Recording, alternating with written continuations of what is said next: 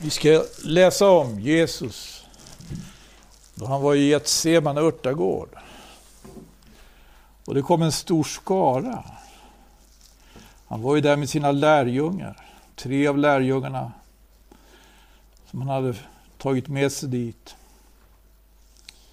Petrus, Jakob och Johannes. Och här var det en bönekamp. Och det var ju den natten då Jesus blev arresterad. Det kom en skara människor, står det. Vi kan gå till Lukas evangelis 22 kapitel. Och Jesus talar till den här skaran. Och säger bland annat som så. Detta, säger han, är er stund. Detta är er stund. Det här är väl någonting som mm, låter som någonting väldigt bra. Människor har alla möjliga ambitioner, längtar, har planer. Va? Och så får de veta att nu har deras stund kommit. Men de får inte bara veta det. Detta är er stund och nu råder mörkrets makt. Om jag läser allt vad han säger här så säger han så här. Så som mot en rövare har ni gått ut med svärd och stavar, fastän jag var dag har varit med er i helgedomen. Har ni icke sträckt ut era händer emot mig, men detta är er stund, och nu råder mörkrets makt. Och Det var verkligen det som Jesus fick erfara, och det är det här som eh, de fyra evangelierna berättar om. Evangelierna är faktiskt handlar väldigt mycket om, berättar väldigt mycket om anklagelser. Sida upp och sida ner så läser vi om anklagelser. Anklagelser som riktas inte minst mot denne Jesus. De här anklagelserna är ganska så eh, ja, många faktiskt. Men här kan vi läsa om hur det hela kulminerar. Och det är ju då när Jesus blir gripen och förs bort att korsfästas. Eh, jag vet inte, om jag skulle fråga dig bara rakt på, spontant här, varför blev Jesus korsfäst? Om vi ser till den rent juridiska situationen, för det var ju det här. Det var en juridisk, det fanns, det fanns krav på att det här skulle vara... Alltså, det, skulle vara, det, var ju, det var ju... För det första så var det en religiös domstol, det stora rådet, som han fördes till. Och sen fördes han också till en civil domstol. Den domstolen som eh, romarna, eller den romerske legaten Pontius Pilatus, Eh, där han, som han svarade för. Och vi läser trosbekännelsen om Jesus pinad under Pontius Pilatus. Men det här var, den här erfarenheten, den, eh, den eh, beskriver han själv med de orden. Eller han säger nu, nu råder mörkrets makt.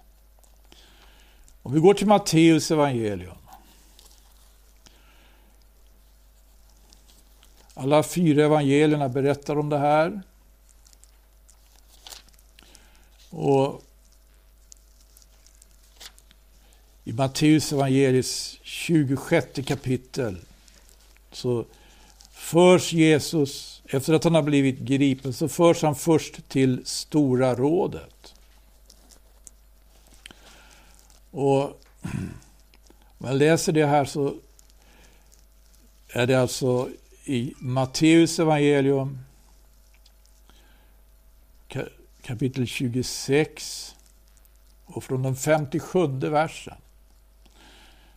Det som hade gripit Jesus förde honom bort till översteprästen Kajafas, hos vilken de skriftlärde och de äldste hade församlat sig. Och Petrus följde honom på avstånd, ända till översteprästens gård. Där gick han in och satte sig bland rättstjänarna för att se vad slutet skulle bli.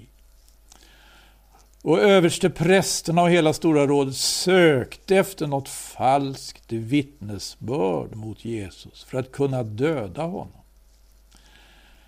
Men fast många falska vittnen trädde fram fann det likväl inte. Slutligen trädde dock två män fram och sa Denne har sagt, jag kan bryta ned Guds tempel och på tre dagar bygga upp det igen. Då stod överste prästen upp och sa till honom, svarar du inte? Hur är det med det som dessa vittna mot dig? Alltså han tog intryck av det här då, överste prästen. Det fanns vittnen. Och de hade ju också konkreta anklagelser då att komma med. Vad Jesus hade sagt, det här hade Jesus sagt. Översteprästen tar fasta på det när han står upp, som det heter här, och, och säger så till Jesus. Svarar du inte? Svarar du inte? Hur är det med det som dessa vittnar mot dig? De vittnar mot honom. Men Jesus teg. Då sa översteprästen till honom, och det här tycker jag vi ska kanske uppmärksamma. Jag besvär dig vid den levande guden att du säger oss om du är Messias, Guds son. Det var ett väldigt hopp här. Från det att det handlade om vad Jesus hade sagt det att Jesus hade sagt någonting om att han skulle kunna bryta ner Guds tempel och på tre dagar bygga upp det igen. Det var som om hela denna anklagelsepunkten upplöstes. Och så får översteprästen fram det som han tydligen själv brottas med. Han formulerar det så att säga så klart. Det är ganska märkligt. Du, jag besvär dig vid den levande Gud att du säger oss om du är Messias, Guds son. Ganska intressant hur han får fram det här. Därför att det var ju den här frågan som också väcktes av Jesus i lärjungar, bland hans, när han var tillsammans med sina lärjungar. Då han ställde frågan, vem säger folket Människosonen var? Simon Petrus bekänner då. Det, det är ganska intressant att orden påminner ju om dem, som Petrus då bekänner. Men här är det översteprästen som besvär honom vid den levande guden att du säger oss om du är Messias, Guds son. Jesus svarar honom, du har själv sagt det. Du har själv sagt. Men jag säger er, härefter ska ni få se Människosonen sitta på maktens högra sida och komma på himlen skyar. Då rev översteprästen sönder sina kläder och sa, han har hädat. Vad behöver vi med några vittnen? Ni har nu hört hädelsen. Vad synes är det svar?” Och sa han är skyldig till döden. Varför var han det? De menar att han var skyldig till döden. De menar att han hädade. Vad han gör här, är att han svarar på en rak fråga. Han ger ett rakt svar på en rak fråga. Och svaret, det är faktiskt eh, mycket bygger ju på, på profeten Daniels sjunde kapitel. Där Daniel skriver om Människosonen. Att med, hur han i en natt, i en syn om natten, fick se den här synen. Han fick se, tre, han fick se de, de stora djur som steg upp ur havet. Det här var, i sammanfattning får han veta av, av den av det himmelska sändebud som hjälper honom tolka den här synen. Att det var ju världshistorien i, i sammanfattning. De fyra stora djuren. Det var ett djur som såg ut som ett lejon, ett annat såg ut som en björn, ett tredje såg ut som en panter och ett fjärde var oförlikneligt. Det gick inte att likna vid någonting. Men det var ett vilddjur, det var helt förskräckligt och det hade stora tänder av järn och klor av koppar. Och trampa ner och, och, och förhärjade. Men i, i det att Daniel får se den här synen, Danielsbokens sjunde kapitel, får han också se en som liknade en människoson komma med himmelens skyar. Och denna syn är ju en av dem, alltså, profetiska syner, de profetiska uppenbarelser om Messias.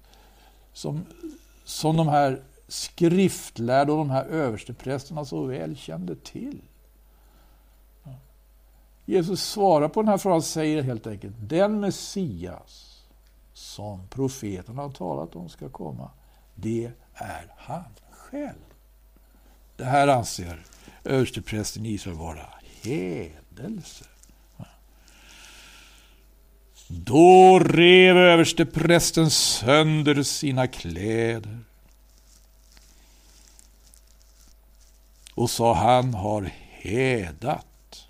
Och den här anklagelsen byggdes upp också stegvis, för den fanns redan i början av Jesu verksamhet.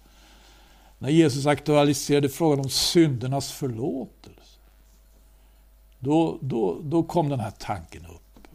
Då hade, då hade var det just de skriftlärde som muttrade emellan varandra lite om att det här är ju hädelse. Hur kan han, hur kan han tala om det, att han skulle kunna förlåta synder?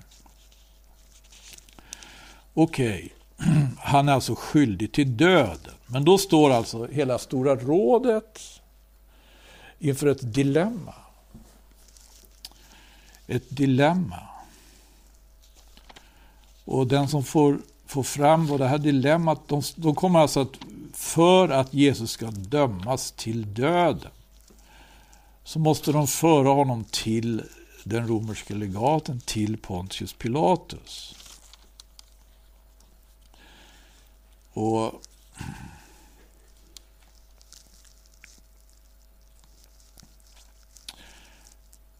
Det, vi kan ju börja i Matteus. Det sker alltså i 27 kapitlet. Det står så här i början där.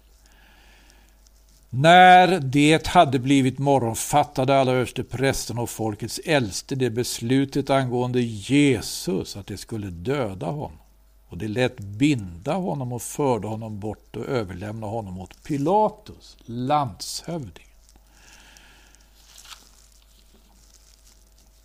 Vi fortsätter i elfte versen när Jesus ställdes fram inför landshövdingen och landshövdingen frågade honom och sa, är du judarnas konung? Jesus svarade honom, du säger det själv.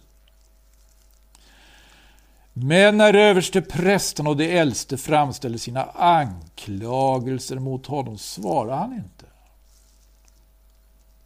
Då sa Pilatus till honom, hör du icke hur mycket det har att vittna mot dig? Lite påminner här om översteprästen som, som, som satt och lyssnade på vittnena.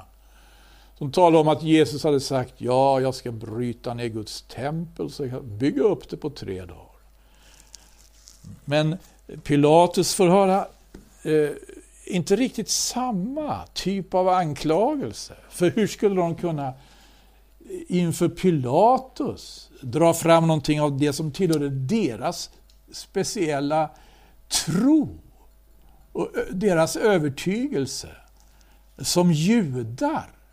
Nej, när han förs till Pilatus då, då var det visserligen väldigt många anklagelser. Ja, hör du inte? Hör du inte hur mycket det har att anklaga? Det har att vittna mot dig. Men han svarar honom icke på en enda fråga så att landshövdingen mycket förundrade sig. Det kommer inte riktigt så tydligt fram, men varje evangelium så, så, så i, i mötet med Pilatus så ställer Pilatus frågan Är du judarnas konung? Helt tydligt så var det alltså just den föreställningen som rådde här. Att Jesus skulle vara en makthavare, en konung. Och vi, och vi läser hur Lukas beskriver det här. Så går vi till Lukas evangeliets 23 kapitel.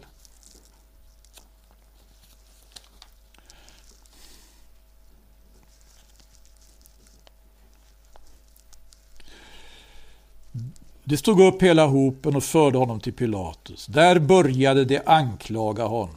Det hade ju mycket att anklaga honom för. Vad sa de då? Vi har funnit att denne man förleder vårt folk och vill förhindra att man ger kejsaren skatt och att han säger sig vara Messias, en konung. Här finns alltså bara eh, en skymt kvar av den anklagelse som rådde inför Stora rådet. Framförallt, alltså den anklagelse som rådde inför Stora rådet, ja det var ju det här att han skulle bryta ner templet. Men också när det kom till kritan, att han skulle vara, att han var Messias. Det var det, det var det som gjorde att det brast för översteprästen. Ja, det brast verkligen. De rev, han rev sönder sina kläder. Men här ser vi att det här är bara en, en, en bisak i den anklagelse som man för fram inför Pilatus. Därför, då säger man han förleder vårt folk och vill förhindra att man ger kejsaren skatt.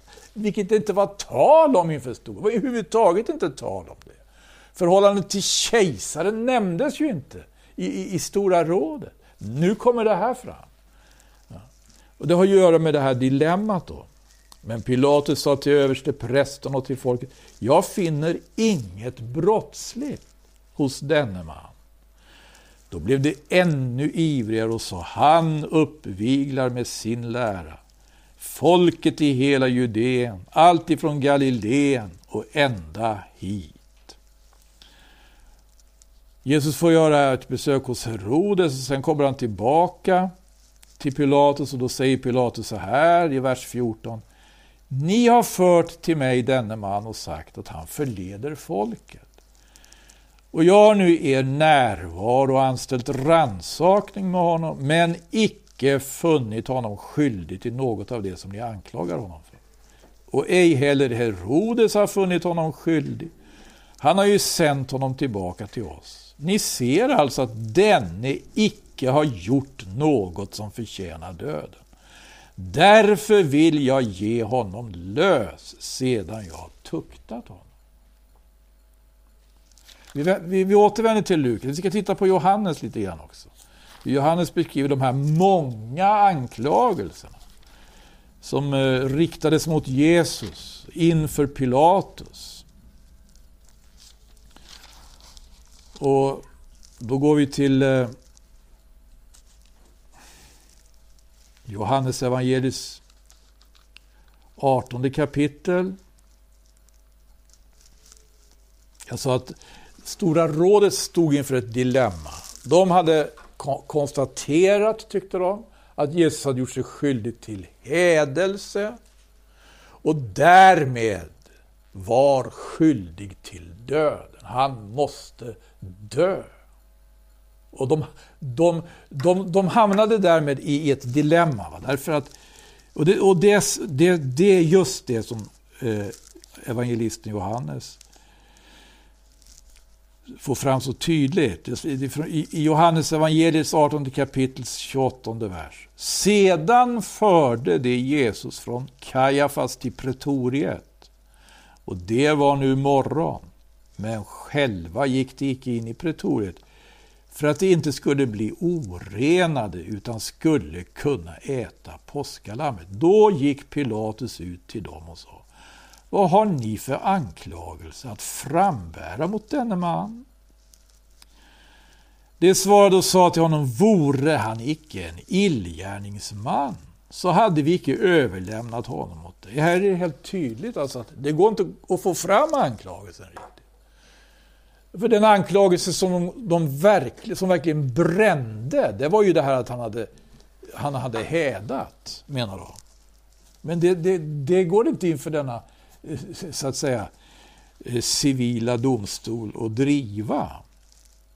Så de säger bara då, vore han icke en illgärningsman så hade vi icke överlämnat honom åt dig. Då sa Pilatus till dem, ta ni honom och döm honom efter er lag. Aha, judarna svarade honom, för oss är det icke lovligt att avliva någon. Nej, där har vi det. Var deras dilemma.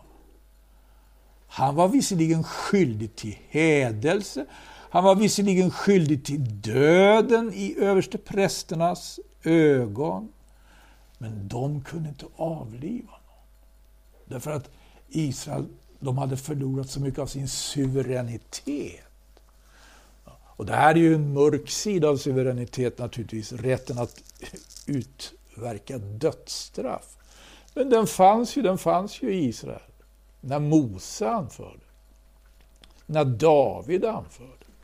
Det var ingen som ifrågasatte den rätten. Men här så var inte det judiska folket suveränt. De hade förlorat viktiga delar av sin suveränitet. Naturligtvis inte bara den här dystra delen, men de hade förlorat den rätten. Alltså, de kunde inte döma någon till döden. Det måste de överlämna åt eh, Rom. Rom som rådde över Israel på den tiden. Det måste, därför så kom de till Pilatus. Det var deras dilemma. Va? Judarna svarade, för oss är det icke lovligt att avliva någon. Vers 33. Pilatus gick då åter in i pretoriet och kallade Jesus till sig och sa till honom, precis som alla de fyra evangelisterna är överens om, fast det kommer lite annan ordning här.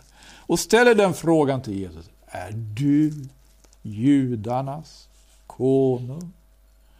Är du? Ja. Det frågar Pilatus Jesus. Jesus svarade, säger du detta av dig själv? Eller har andra sagt dig det om mig? Vad intressant. Vad, vad, har han, vad har han hört om Jesus? Då?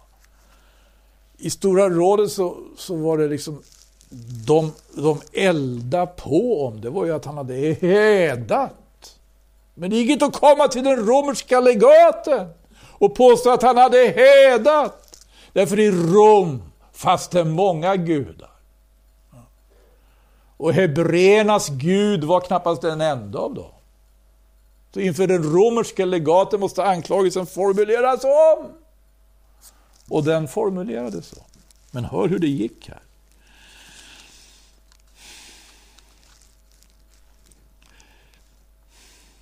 Det var så här nämligen. Och det här är också alla e-, e-, e-, evangelisterna överens om. Att, eh, ska se om jag, om jag Enligt Matteus så var det så här som var läget. Nu var det sed. I femtonde versen Matteus evangeliet 27 kapitel. Nu var det sed att landshövdingen vid högtiden gav folket en fånge lös, vilken de ville. Och man hade då en beryktad fånge som hette Barabbas. När de nu var församlade frågade Pilatus dem, vilken vill ni att jag ska giva er lös? Barabbas eller Jesus som kallas Messias? 20 versen. Men överste prästen och de äldste hade övertalat folket att begära Barabbas och låta för, förgöra Jesus.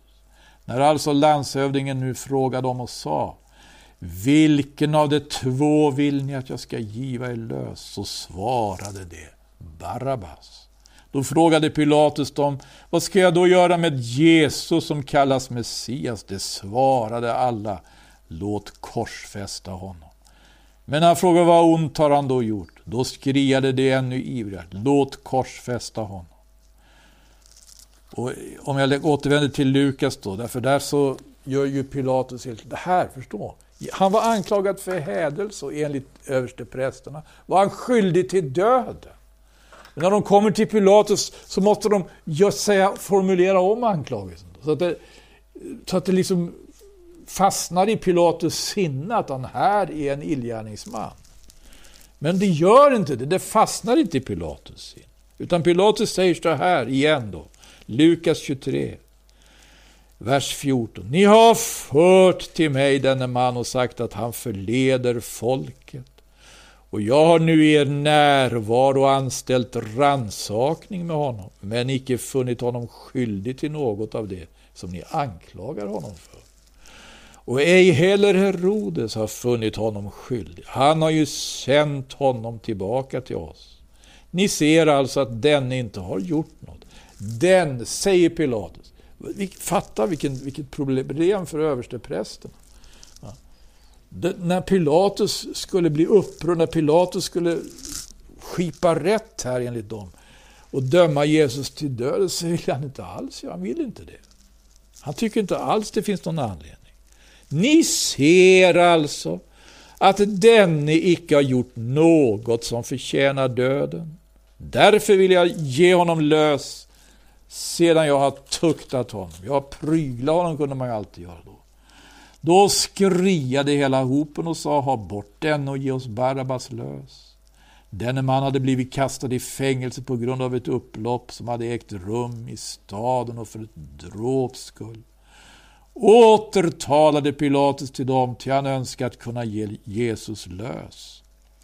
Men de ropade mot honom, korsfäst, korsfäst honom. Då talade han till dem för tredje gången och frågade, vad ont har han då gjort? Jag har icke funnit honom skyldig till något som förtjänar döden. Därför vill jag ge honom lös sedan jag har tuktat. Men de låg över honom med höga rop och begärde att han skulle låta korsfästa honom, och deras rop blev honom övermäktiga. Då dömde Pilatus att så skulle ske som de begärde. Ja. För jag fråga, vad rent juridiskt, eh, vad finns juridiken? Vad följer Jesus egentligen på för åtalspunkt? Vilken åtalspunkt föll han på? Han blev anklagad för så mycket. Han blev anklagad för att ha sagt att han kan riva ner templet. Han blev anklagad för att ha sagt att han var Messias. Han blev anklagad för att göra anspråk på en makt som var i strid mot eh, Roms, mot kejsarens makt. Ja, det här får också Johannes fram tydligare. Där säger de nämligen så här.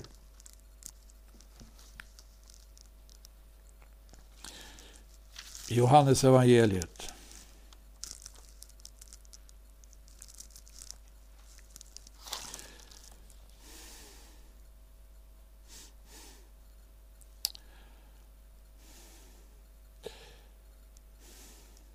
Det skriade, står det, Johannes 19 kapitel, vers 15. Bort med honom, bort med honom. Korsfäst honom. Pilatus sa till dem, ska jag korsfästa er konung? Översteprästerna svarade, vi har ingen annan konung än kejsaren. Vi har ingen annan konung än kejsaren. Det var, det var en annan ton, det var en annan ton i skällan då än när de var samlade i Stora rådet. Internt. Vilken, vilken, rent juridiskt, vilken, vilken anklagelsepunkt föll Jesus på? Jag har läst det här fram och tillbaka många gånger och jag, jag kommer fram till att han föll inte på någon anklagelsepunkt. Han föll inte på någon anklagelsepunkt. Han föll, eh, hemföll alltså, åt korsfästelsen. Därför att han inte hamnade under en amnesti. Det var en amnesti som var en sedevänja att ge en fånge lös. Och den kunde han, det fanns 50 procents chans då, men inte i det här läget. Därför nu rådde mörkrets makt.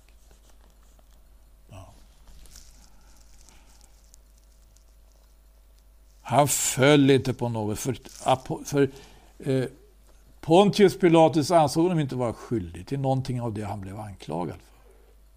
Och när Pontius Pilatus dömde, står det, så dömde han inte därför att han ansåg, han dömde inte för att han ansåg att han var skyldig till någonting, utan det står att han dömde som det begärde.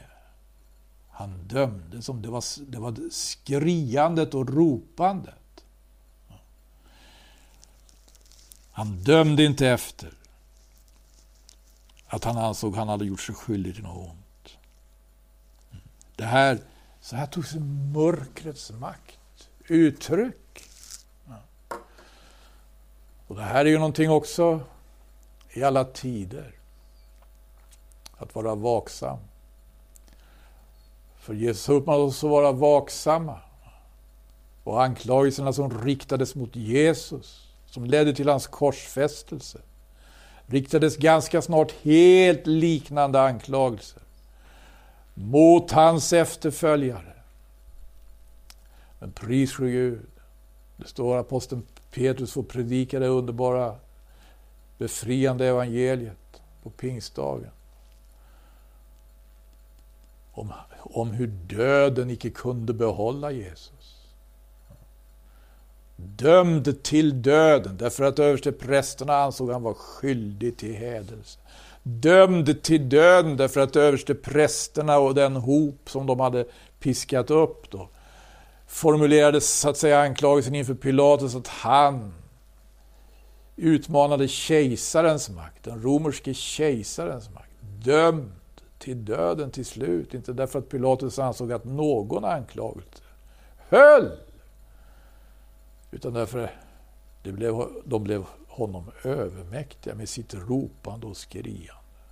Och Jesus kom inte under den amnesti som var en sedvänja.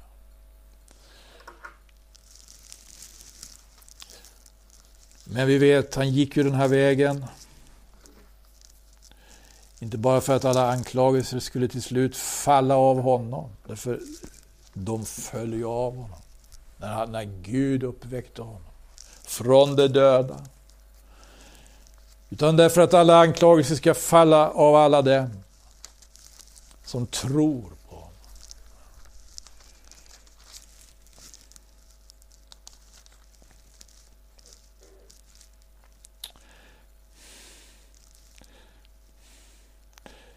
Petrus predikan sa jag, men det var faktiskt Paulus predikan, var det inte? När Paulus predikade i Apostlagärningarnas trettonde kapitel.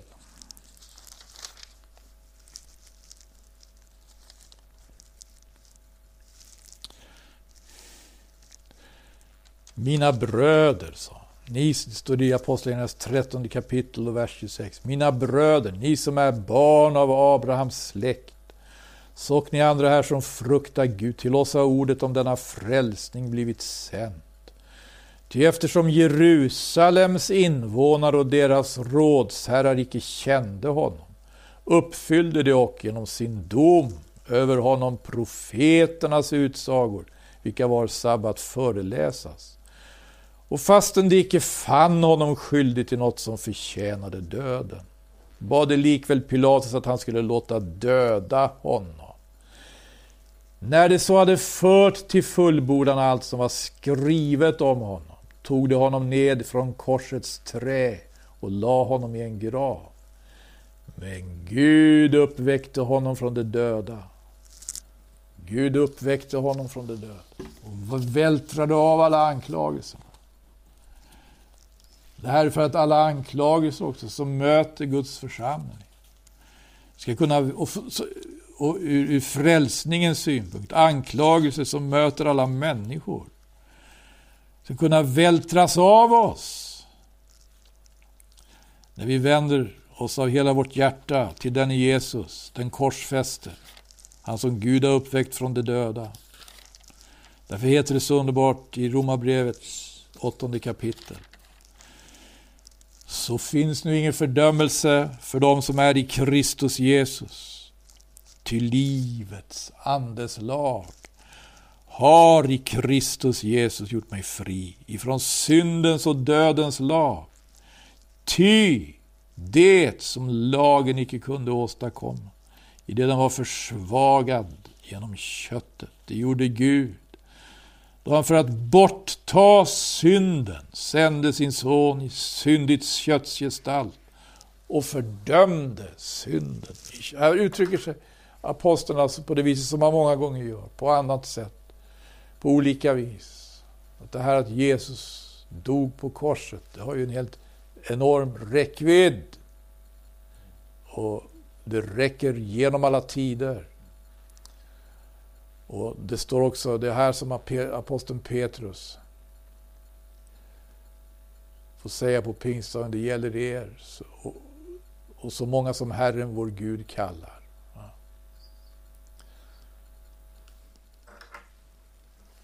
Löftet gäller er och så många som Herren vår Gud kallar.